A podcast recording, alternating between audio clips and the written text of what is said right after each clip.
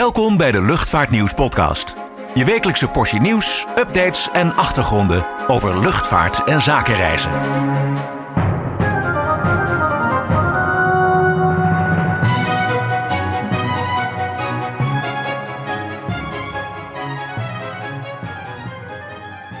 Ja, hallo en welkom bij weer een nieuwe Luchtvaartnieuws podcast. Mijn naam is Klaas-Jan van Woerkom en tegenover mij vandaag mijn collega Paul Eldering. Hallo. Hi Paul. Zo, nou we zijn hier op, eh, op een dag dat eh, ook de KLM-cijfers binnen zijn over het tweede kwartaal en over het uh, halfjaar. KLM doet het zelf al, altijd halfjaarcijfers. ja, ze presenteren het als goede cijfers, hè? operationele winst. Het is allemaal weer, de omzet is weer hard gegroeid, iedereen wil weer vliegen. Als ik zo Marjan Rintel mag geloven in de quote die bij het persbericht zat. Uh, ja, maar dus het is ja. een beetje geflatteerd, moet ik heel eerlijk zeggen, als ik deze cijfers bekijk. Want ja, aan de vraag ligt het natuurlijk niet. Hè? Nee. de vraag is, is groot. er wordt weer volop gevlogen. Uh, uh, ja, airlines kunnen zelfs de capaciteit niet bijbenen.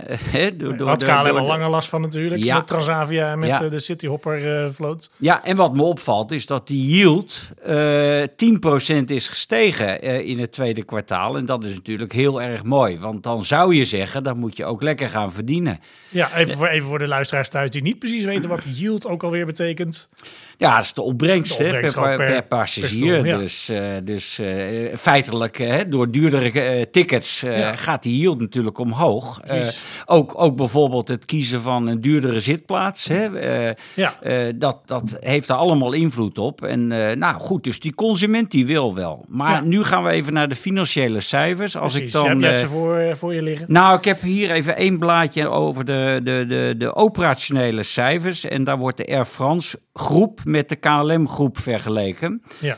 Uh, Want de KLM-groep, even voor de duidelijkheid, is dus KLM, KLM City, Hopper en Transavia. Ja, en de Air France-groep is dan Air France en Transavia France en Hop.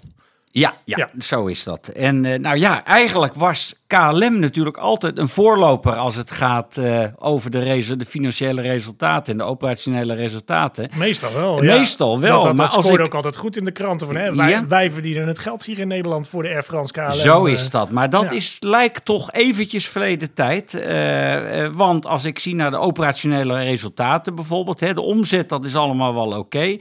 Maar nou de operationele resultaten, ja, dan zie ik over het eerste half jaar van het boekjaar, dan zie ik dat ja, Air France uh, zelfs uh, ruim 500 miljoen uh, erbij heeft gescoord. En die komt dan uit op voor het eerste half jaar op 300 miljoen ongeveer. Dat is een operationele marge van 3,5 procent. Terwijl KLM die heeft in het eerste half jaar een, uh, is flink gekelderd met 136 miljoen. En die komt nog maar uit op 129 miljoen met een operationele marge van 2,3 procent. Kijken we naar het, het, het, het uh, tweede kwartaal waar het hier over gaat. Mm -hmm. Ja, als je dat gaat vergelijken met vorig jaar tweede kwartaal, hè, toen het een chaos op Schiphol was. Ja. ja dan blijkt zelfs dat KLM uh, uh, nog minder operationeel resultaat heeft gescoord dan het tweede kwartaal vorig jaar. En met een operationele marge die ook ver onder die van Air France ligt. Uh, ja, dus ik, ik kan eigenlijk concluderen dat het, uh, er moet nog veel gebeuren. En KLM heeft natuurlijk wat excuses met de vlootproblemen en dergelijke. De, de, de chaos bij Transavia kun je toch wel stellen. Ja, en dat, dat, dat, uh, dat zie je in deze cijfers onverbiddelijk terug. Ja, en personeelskosten die lopen op. En ja. die gaan ook niet minder worden. Tenminste, als je kijkt nu de gesprekken met de cabinebond. Die uh, hebben een beetje een kookpunt bereikt. Want die zijn boos van we zouden er samen uitkomen. En nu wil KLM in één keer alle secundaire arbeidsvoorwaarden gaan inperken. Ja, ja, uh, om, ja. om te voldoen aan, nou ja, niet eens. KLM wil, uh, wil 3,5% geloof ik erbij geven. En de, het cabinepersoneel wil graag 12% extra. Wat we allemaal wel graag zouden willen natuurlijk. Maar die zeggen weer van we hebben tijdens corona ontzettend ingeleverd. En nog harder gelopen om, uh, om, om de productie maar overeind te houden. Ja, uh, en hebben we het nog niet eens over de vliegers. En, Nee, en, en, en, en de mensen in, uh, op, op de grond, weet je wel. Ja. Ja, die, Ja. eh, die klagen ook steen en been. eh, of althans steen en been. Nee. De, de vliegers hebben natuurlijk niet zo heel veel te klagen. Maar toch, Ja, kijk uit wat je zegt. Straks hangen ze aan de lijn. Maar Nee, dat is onzin. Zij hebben net zoveel recht op een, op een goede CEO en, en, en, en meer loon als er harder gewerkt moet worden enzovoort. Maar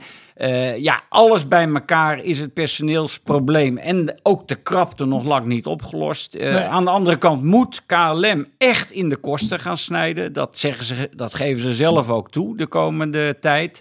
Uh, ja, die operationele marge, hè, dat is een beetje de midterm vooruitzicht voor de hele Air France KLM groep. Ja, die moet toch wel uitkomen tussen de 7 en 8 procent. Dat is de doelstelling. Ja, daar zit Air France, die komt daar wel aan. Maar, maar KLM op dit moment althans uh, nog lang niet. Nee, nou, beleggers waren er ook uh, tot nu toe nog niet uh, heel erg blij mee vanmorgen. Het aandeel zat in de min. Het aandeel is al niet heel erg hoog. Nee, het is anderhalf nee, euro, nee. geloof ik nu.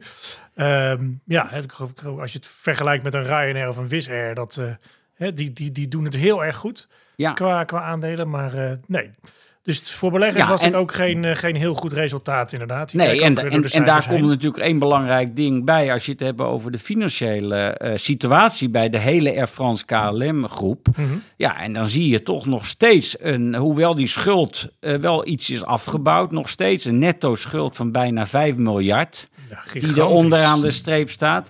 En vergis niet, dat, dat enorme negatieve vermogen is ook nog niet weggepoetst. En ik geloof dat ze nu, eh, maar daar weet jij misschien meer van, dat hele Flying Blue maar gaan verpatsen, of niet? Nou ja, ze hebben natuurlijk eerder met, eh, met Apollo, dat is een investeerder, hebben ze natuurlijk de, eigenlijk onderdelen en, en motoren aan verkocht, eigenlijk op papier. Tenminste, de- ze blijven gewoon eh, letterlijk in fysieke vorm gewoon wel in de hangars liggen in, in Parijs. Maar die onderdelen zijn technisch gezien dus van, van een investeerder. En nu dus ook inderdaad met Flying Blue, het loyaliteitsprogramma. Eh, je kan nog steeds punten blijven sparen als, als veelvlieger en ze ook besteden. Maar het, eh, het programma is verkocht.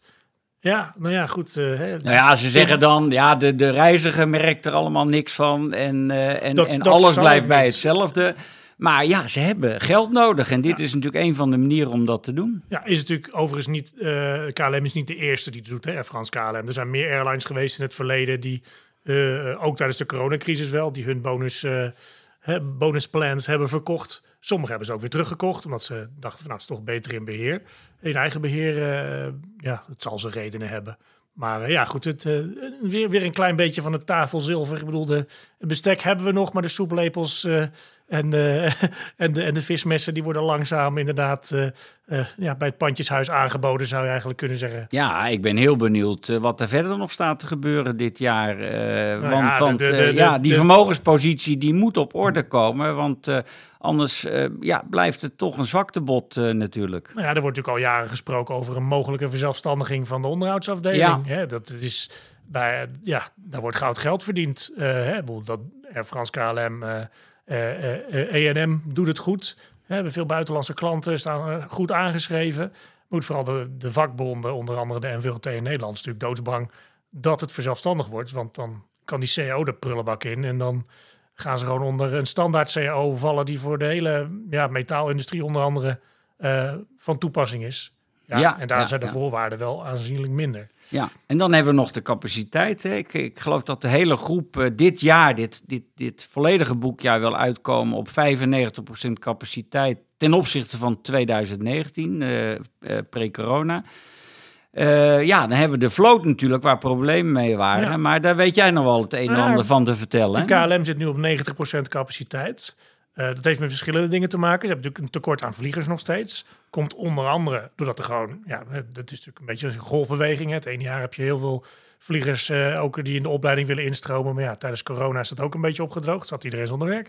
Eh, maar ook voor die langere vluchten, bijvoorbeeld naar, naar, naar, naar China of Japan, heb je gewoon een extra vlieger nodig, omdat je om moet vliegen. Ja, die zijn er niet 1, 2, 3. De, frequenties zijn ook niet helemaal op, op het niveau van wat het was. Ehm, ja, en vliegtuigen zelf, ja, heel eerlijk, als ik, eh, als ik nu KLM ben, eh, je kan wel nieuwe vliegtuigen willen bestellen, maar als volgend jaar een nieuwe verkeersminister zegt van het aantal vluchten gaat door de helft op Schiphol, je weet niet waarop je moet plannen. Maar wat ze dus nu wel eh, hebben gezegd, gisteren al, dat dus de, de Airbus A330's, die er eigenlijk over twee jaar, 2025 al uit zouden gaan. Die machines zijn niet meer de zuinigste, niet zo zuinig als de Dreamliner. Maar goed, hebben ze nu van gezegd, die gaan tot 2029 ongeveer wel in de vloot blijven. Tenminste, de, de A330-300 is als langste. Ehm, ja, nou goed, het zijn niet de zuinigste machines. Uh, ze zijn wel uh, heel efficiënt, onder andere voor Afrika. Maar ze vliegen er ook mee naar, naar, noem maar, naar, naar Canada, Amerikaan, uh, Boston, Houston. Um, dus ja, die blijven. Dus de vraag is, wat gaat daar gebeuren? De VNC, de cabinebond, die zei gelijk al van... we willen dan wel een volwaardige crew rest aan boord hebben voor die lange vluchten. Ja, uh, die ook in de andere kisten zitten. Ja, goed, dat is een... Uh, dan heb je, over, heb je het over miljoenen per toestel. Dus ik dat je rustig tussen de 15 en 20 miljoen kan gaan zitten... om ja. zo'n crew rest in te laten bouwen. Dus ja, dat, de vraag is of KLM die investering kan en wil doen. Ondertussen hebben ze ook nog geen uh, besluit genomen over... Um, eventuele vlootvervanging hier bij KLM van de 777's en de A330's. Uh, dat, die verwachting is wel dat ze dat voor het eind van het jaar doen. Dan is de vraag, gaan ze uh, extra Dreamliners kopen? Gaan ze uh, de nieuwe generatie 777's kopen? Dat denk ik overigens niet, want KLM is, als je kijkt naar de geschiedenis, eigenlijk nooit een partij geweest die als eerste vooraan stond om nieuwe toestellen die nog niet gecertificeerd zijn uh, het aan te schaffen. Goed, kan ook zijn dat ze voor de A350's kiezen. Daar zet ik persoonlijk mijn geld een beetje op, omdat mm. Air France die heeft en omdat Martin Air Cargo ze natuurlijk uh, krijgt over een paar jaar. Um, maar goed, ja, de, en, en, maar de capaciteit nu, ja, het is wachten op de A321 NIO's. Dat is pas volgend jaar. Ja, ja. Uh, ze huren nog steeds vijf toestellen bij German Airways in, plus Privilege Style, die Spaanse A321. Dus ja, dat, dat blijft een dingetje. Het, het, het, lijkt me ook lastig plannen inderdaad. Van ja, waar ben je nou aan toe? Moet je nou uh, absoluut, ontzettend veel vluchten gaan schrappen omdat de minister dat wil? Maar goed, uh, daarover gesproken. Oh nee, nog even één dingetje. Je had het over de cijfers, die waren niet goed. De NPS, de Net Promoter Score. Hè? Dus, dus raad je ons bedrijf wel of niet aan bij je vrienden en familie? En zo ja, met welk cijfer? Ja, nou ja. Op een schaal van 0 tot 10 of van eigenlijk van 0 tot 100 dan bij de NPS. Uh, zei, zei Marjan Rintels eigenlijk van ja, de NPS is ontzettend hoog, dus de klanten zijn tevreden. Maar daar heb jij ook nog wel een mening nou, over. Nou ja, kijk, ze zegt, uh, uh, ze zegt dat de Net Promoter Score in, het, in, het, in de eerste zes maanden van dit jaar 42 is. Ja. Hoe komt dat getal? Nog even uitleggen tot stand. Je vraagt dus aan een passagier van, nou, zou je het KLM aanbevelen aan, aan andere kennen, aan kennissen? Nou, en dan mag je van 1 tot 10 een cijfer geven. En alles wat boven de 8 is, dat betekent dat je een promotor bent. Alles wat onder de 6 is, dat betekent dat je een criticus bent.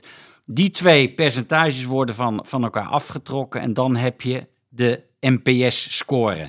Nou, uh, Marjan Rintel zegt, uh, de baas van KLM, uh, die is 42 over de eerste zes maanden van dit jaar. Maar ja, het eerste kwartaal van dit jaar was die NPS-score 45. Dus mensen zijn dus, Dus in het tweede kwartaal is die ten opzichte van het eerste kwartaal flink gekelderd. Overigens was hij vorig jaar over het hele boekjaar 22 nog lager. Toen was hij 37. Maar goed, dan uh, had je natuurlijk die bende op Schiphol, ja, zeg maar. Zeker, dus ja, zeker, ja. En, dat, dat, dat en, gaan en, mensen toch ja, frustratie Dus het lijkt goed. Overigens is een, een, een, een score van, van boven de 50, dat is pas, nou, dan ja, zit je wel maar, goed. Maar dat gebeurt niet veel. Nee, nee, dat klopt. Dat moeten we ook wel eerlijk toegeven. Klopt, dat klopt, klopt. is niet heel slecht. Maar het is in het tweede kwartaal, is die score die het vertrouwen van de consument aangeeft natuurlijk. Hè? Mm. De loyaliteit, die, uh, ja, die is duidelijk gekelderd ten opzichte van het eerste kwartaal. Dus die kanttekening moeten we toch wel even maken. Sorry Marjan.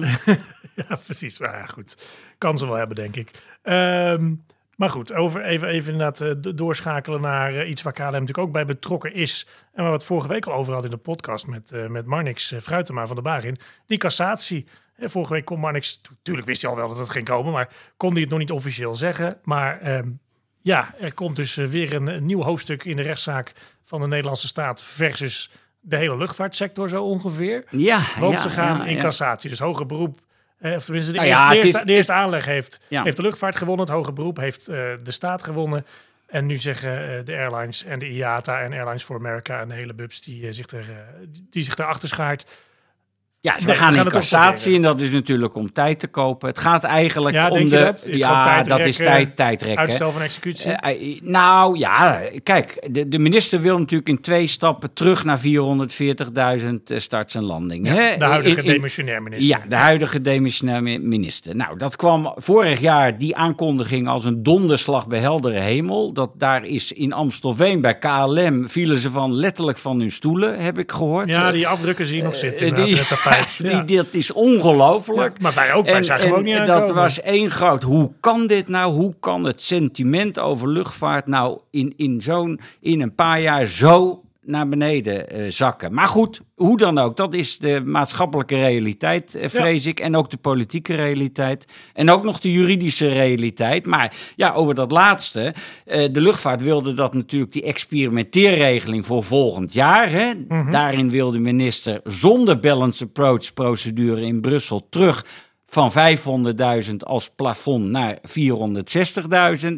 En zonder balance approach. Ja, en daarvan had de, de, hoger, eh, de voorzieningenrechter in Haarlem tijdens het hoog beroep, wat dat de luchtvaart daar terecht heeft, uh, over, over heeft ingesteld, gezegd: nee, nee, minister, je moet je wel degelijk aan die procedure in Brussel houden. Want Europees recht, hè, in dit geval de EU-geluidverordening, die is hoger recht dan het nationale recht. Zo zit het nou eenmaal in elkaar. Nou, de minister heeft gezegd, ja, maar voor de bewoners, die heb ik een belofte gedaan en ik ga in, uh, in beroep. Elektoraal belang dus gewoon. Ja, zeker. En, Dat, en dat won die tot ieder stomme verbazing. Mm.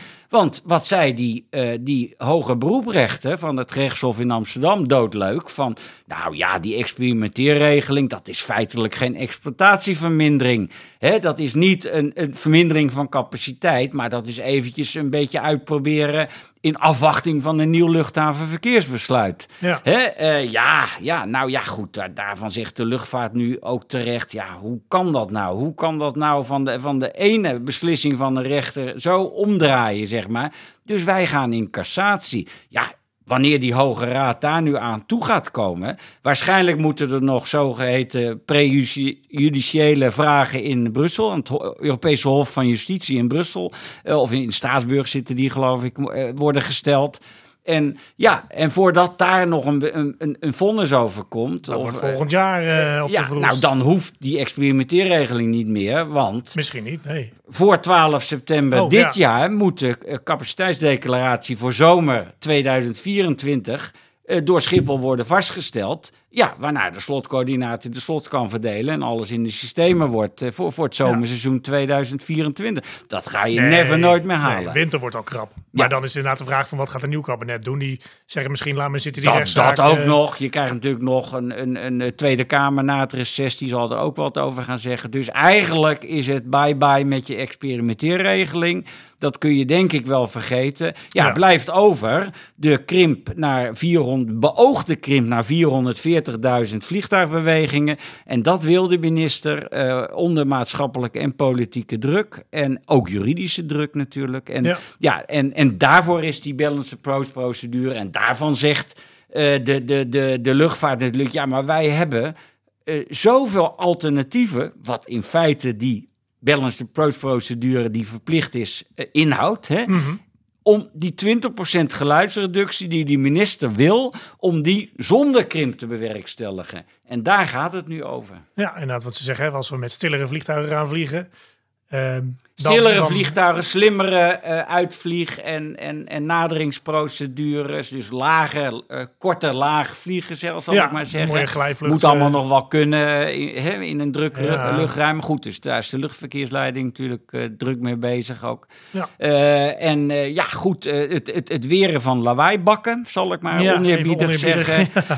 waarschijnlijk, ik vermoed toch echt dat dat niet is tegen te houden. Een forse forse uh, greep uit uh, de nachtvluchten. Hè? De, ja. in, in, in, de zin dat die toch wel erg sterk verminderd zouden moeten worden om overlast te bestrijden. En ja, de interim Schiphol-CEO Ruud Zondag, die heeft dat natuurlijk als buitenstaander. Mm -hmm. Misschien is hij dat tegenwoordig al niet meer. Maar, ja, maar, ja. maar hij heeft dat wel slim aangevoeld. En in zijn plannetje Mm-hmm. Wat nog geen enkele handen en voeten heeft natuurlijk. Maar zijn plan is wel, nou laten we die, die, die luchthaven Schiphol dan maar op slot gooien tussen uh, pakweg uh, 12 en, en 6 uur. Ja. Nou ja, daar uh, stijgt natuurlijk de luchtvaart ook uh, over. Want ja, dat is dat, dat, operationeel is dat wel een probleem. Ja, ja ze, niet, hè, nog, niet eens, nog niet eens dat na 12. Want ja, er vertrekt niks meer na 12 doorgaans. Maar vooral na de inkomende ochtendvluchten uit Noord-Amerika. Ja, zo is van, het. van Delta en KLM, die willen hier gewoon rond een uur of zes Ja, aan maar de ook, grond staan. ook, ook half de zes. vroege lesjevluchten, niet te Ja. vergeten, die al vaak om, om vijf uur willen vertrekken of soms Ja. nog eerder, om genoeg slagen te kunnen maken. Ja, het, het zorgt er allemaal natuurlijk voor dat het de ticket duurder gaat worden. Maar ja, goed, eh, als dat binnen de perken blijft, een paar tientjes, is dat nog wel te overzien, denk ik. Ja, ik denk het wel. Ik was gisteren in eh, Münster-Osnabrück. Vloeghaven Münster-Osnabrück. hè, Die, die Zo. zijn 24-7 zijn die geopend. Ja, En die zeiden ook van, ja, kom maar. Ja, want daar vliegt bijna overdag bijna niks. De- die vliegen alleen maar gewoon eh, 's morgens. Die zeggen van, nou, de mensen die gaan eh, s s'avonds nog thuis eten, pakken hun koffer, rijden naar het vliegveld.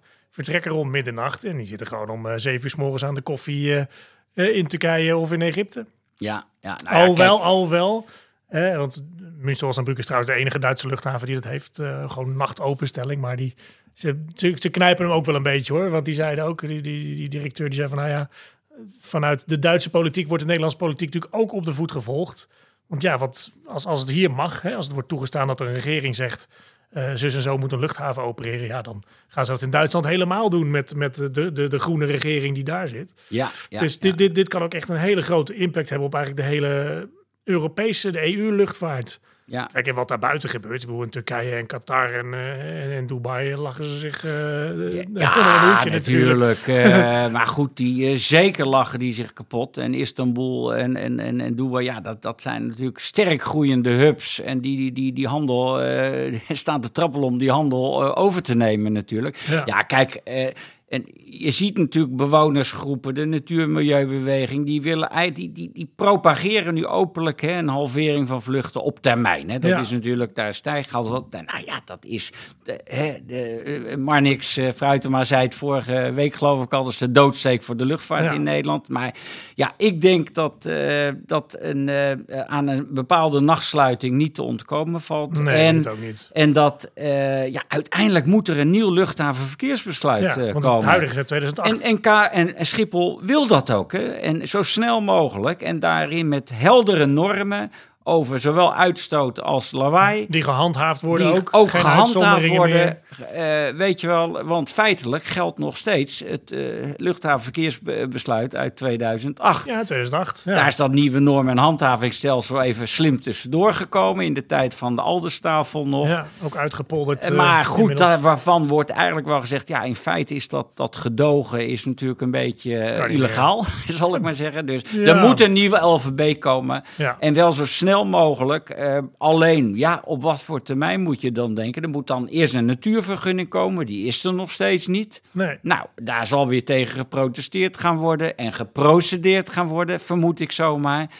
Ja, dan ben je toch wel weer een aantal jaren verder. Precies, dan is Ruud Zondag geen interim topman meer. Dan is hij of vast aangesteld of er zit alweer iemand anders. Ja. Want ze zijn nog steeds officieel bezig Ja, op de achtergrond met een vaste aanstelling. Ik bedoel, meneer Zondag, eh, zijn contract, eh, zijn interim contract is verlengd tot volgend jaar. Ja, Maar- ik denk niet dat hij blijft hoor. Dat hij het dan eh, na anderhalf jaar wel gezien Die het heeft. nog meemaakt. Ja, we gaan het zien. Ja. Goed, tijd voor even eh, adempauze. Dan gaan we heel eventjes naar de reclame toe.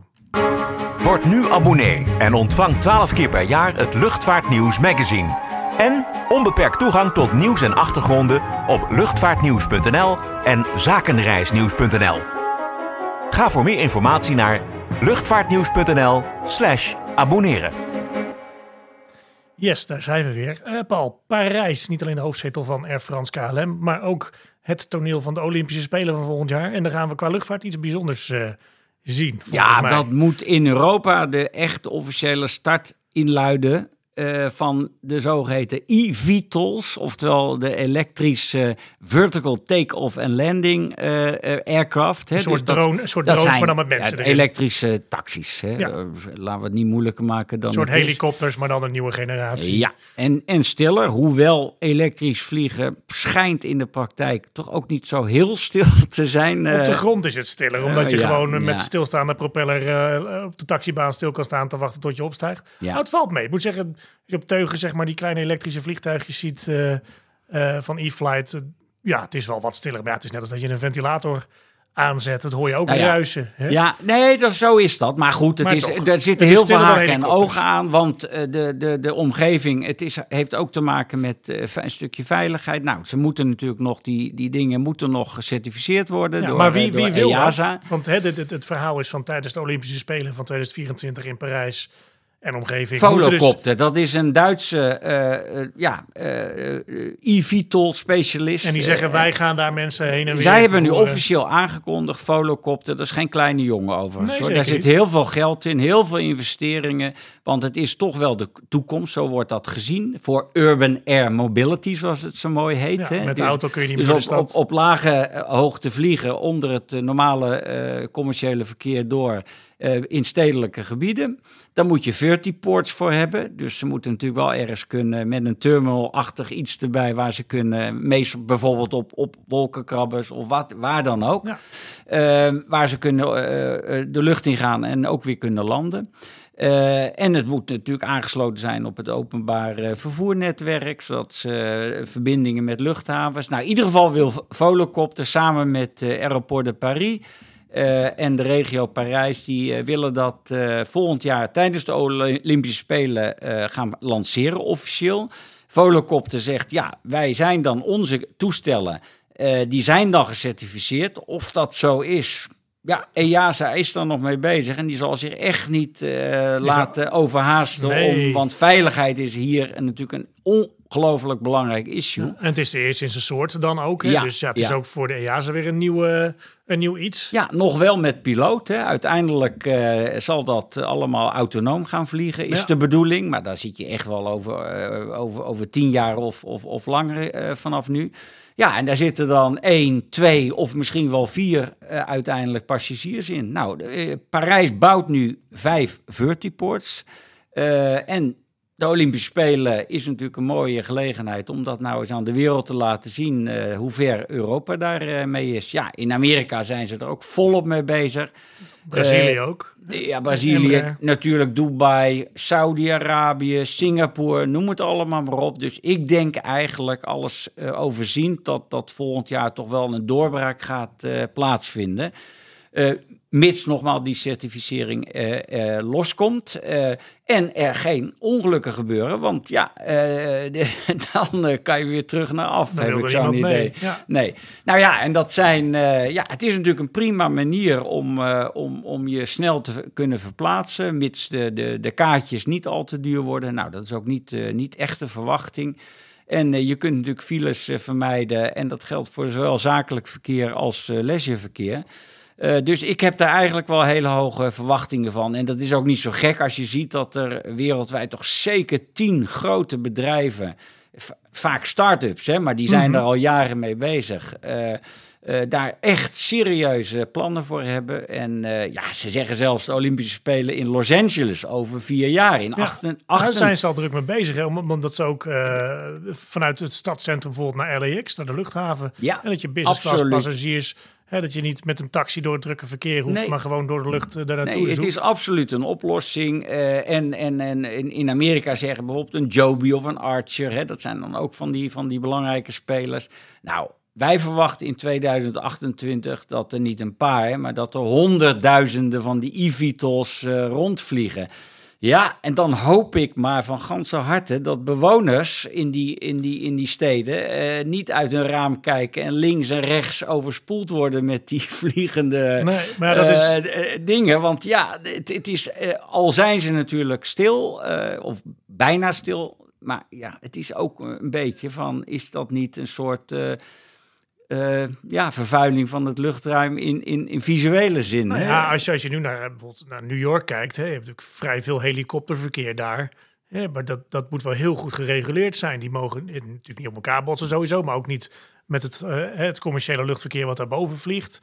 Eh, binnen de stad inderdaad, ja, er moet- er niet eentje naar beneden vallen en midden op een drukke weg landen. Nee, nee. Maar aan de andere kant, als je bijvoorbeeld kijkt, in, in Kenia zijn ze er ook mee bezig. Dat ze zeggen, ja, gewoon gebieden waar gewoon geen potentie is om, om lijnvluchten naartoe te starten. Of waar überhaupt geen vliegveld is. Ja, het zou een hoop kunnen schelen als je natuurlijk vanuit het platteland zo naar de stad kan vliegen in, in, een uurtje. Ik denk niet dat het tegen te houden is. En dat moet ook niet. Het is een stuk vooruitgang. En uh, nou ja, goed, uh, waarom en ook, niet? En ook voor hulpdiensten natuurlijk. Hè. Ik bedoel, zelf heb ik bijna dagelijks een politiehelikopter die per definitie langs komt vliegen als je kinderen net op bed liggen. Hè? Die komt dan even boven je huis zoomen omdat ze weer achter een boef aan zitten.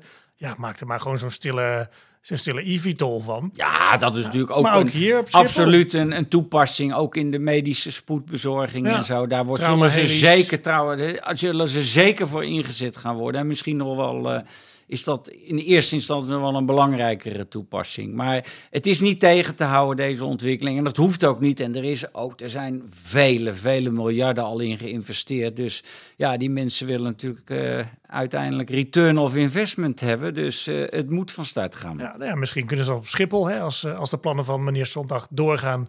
dat uh, de zakenjets weg moeten, kunnen ze daar zo'n ja, zo'n soort uh, helipoort van maken, maar dan voor eVTOLs. Ja, voor zover ik weet is Nederland daar nog helemaal niet mee bezig. Maar goed, we lopen wel vaker wat achter de feiten aan, heb ik het uh, gevoel. Ja, en bij sommige dingen lopen we wat voorop. Goed, nou, ik denk dat we wel weer genoeg besproken hebben voor vandaag. Dus uh, tijd voor weekend en voor jouw vakantie ook sowieso. Dus nou, dank dat je er was weer. Oké, okay, geen probleem. En tot de volgende keer dan tot maar. Keer, en ook voor de luisteraars, bedankt voor het luisteren en tot ziens.